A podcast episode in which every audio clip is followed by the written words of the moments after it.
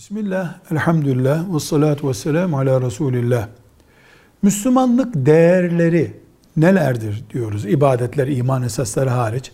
Müslüman şahsiyette Müslümanlıktan kaynaklanan değerler nelerdir diye e, iba, iman ve ibadetle ilgili konuların dışında şüphesiz dediğimizde birincisi doğruluk.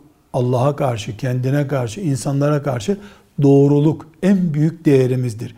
Emin olmak, güvenli olmak ikinci değerimizdir. İffetli ve kanaatkar olmak bir değerdir. Ahlak bütün yapısıyla bir değerdir. Olgunluk, yumuşaklık bir değerdir. Haya bir değerdir. Mürüvvet, şahsiyetli olmak bir değerdir. Nasihat alır, nasihat verir olmak bir değerdir. Şükreder, şükrün kıymetini bilir insan olmak bir değerdir.